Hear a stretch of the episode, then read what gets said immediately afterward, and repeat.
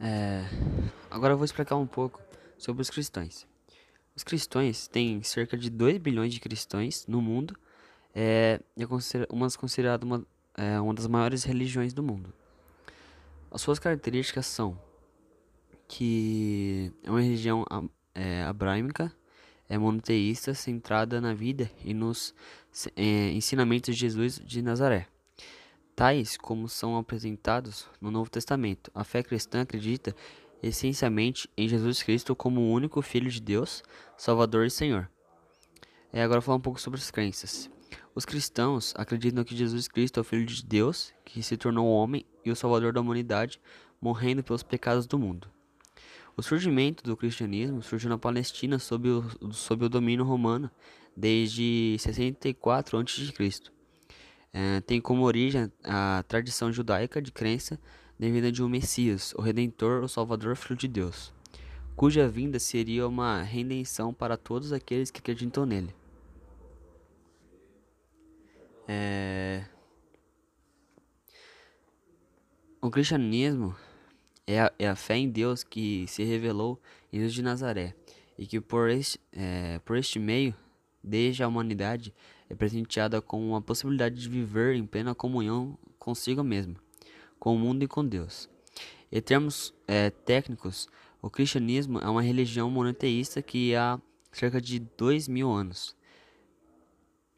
se derivou do judaísmo na região do Oriente Médio. Sua figura central é, é a de Jesus, que se acredita ser filho de Deus, e a encarnação humana da própria divindade. Trata-se da maior religião do planeta, reunindo cerca de 30% da população terrestre, e da influente no mundo ocidental.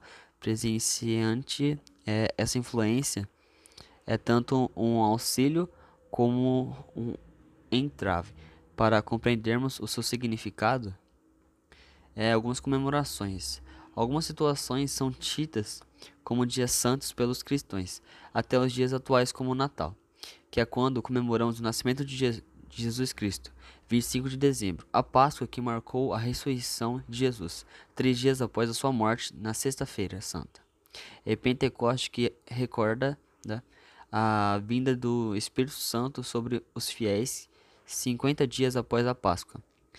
É, no cristianismo também existem alguns símbolos, como a cruz é o maior símbolo do cristianismo, pois foi onde Jesus morreu pela humanidade, mas além deste, existe outros símbolos, significados como o pão e o vinho, ou o trigo e as uvas, que simbolizam a última sede de Jesus, bem como o peixe, cu cujas iniciais em grego significam Jesus Cristo, Deus, Filho. É, é, agora eu vou explicar um pouco sobre a Trindade, que é Jesus, Deus e o Espírito Santo. Jesus é simplificamente é, divino e humano. A salvação é possível através da pessoa, vida e obra de Jesus. Jesus Cristo foi concebido à forma virginal. Foi crucificado, ressuscitado e ascendentou ao céu de vira à terra. É, alguns significados né, sobre as demônios. De, é, dominações é, cristã. A denominação cristã é uma organização religiosa que funciona sob um nome. A denominação tem estrutura e doutrinas comuns, como algumas denominações cristãs aceitam os demais como versões da mesma igreja e com diferença entre si. Agora vou falar um pouco sobre a história do, da, da trajetória deles. Passaram-se a surgir após o, o concílio de Efésio, é, 431 d.C. Basicamente, houve a principal divisão do século XI entre a Igreja Católica do Ocidente e a Igreja Católica do, Ori do Oriente, ou, é, a Igreja Ortodoxa, a Igreja Ortodoxa que era do Oriente, sendo concedido como é, grande cisma do Oriente em 1400 e, em 1054 por divergências e hierárquicas e culturais.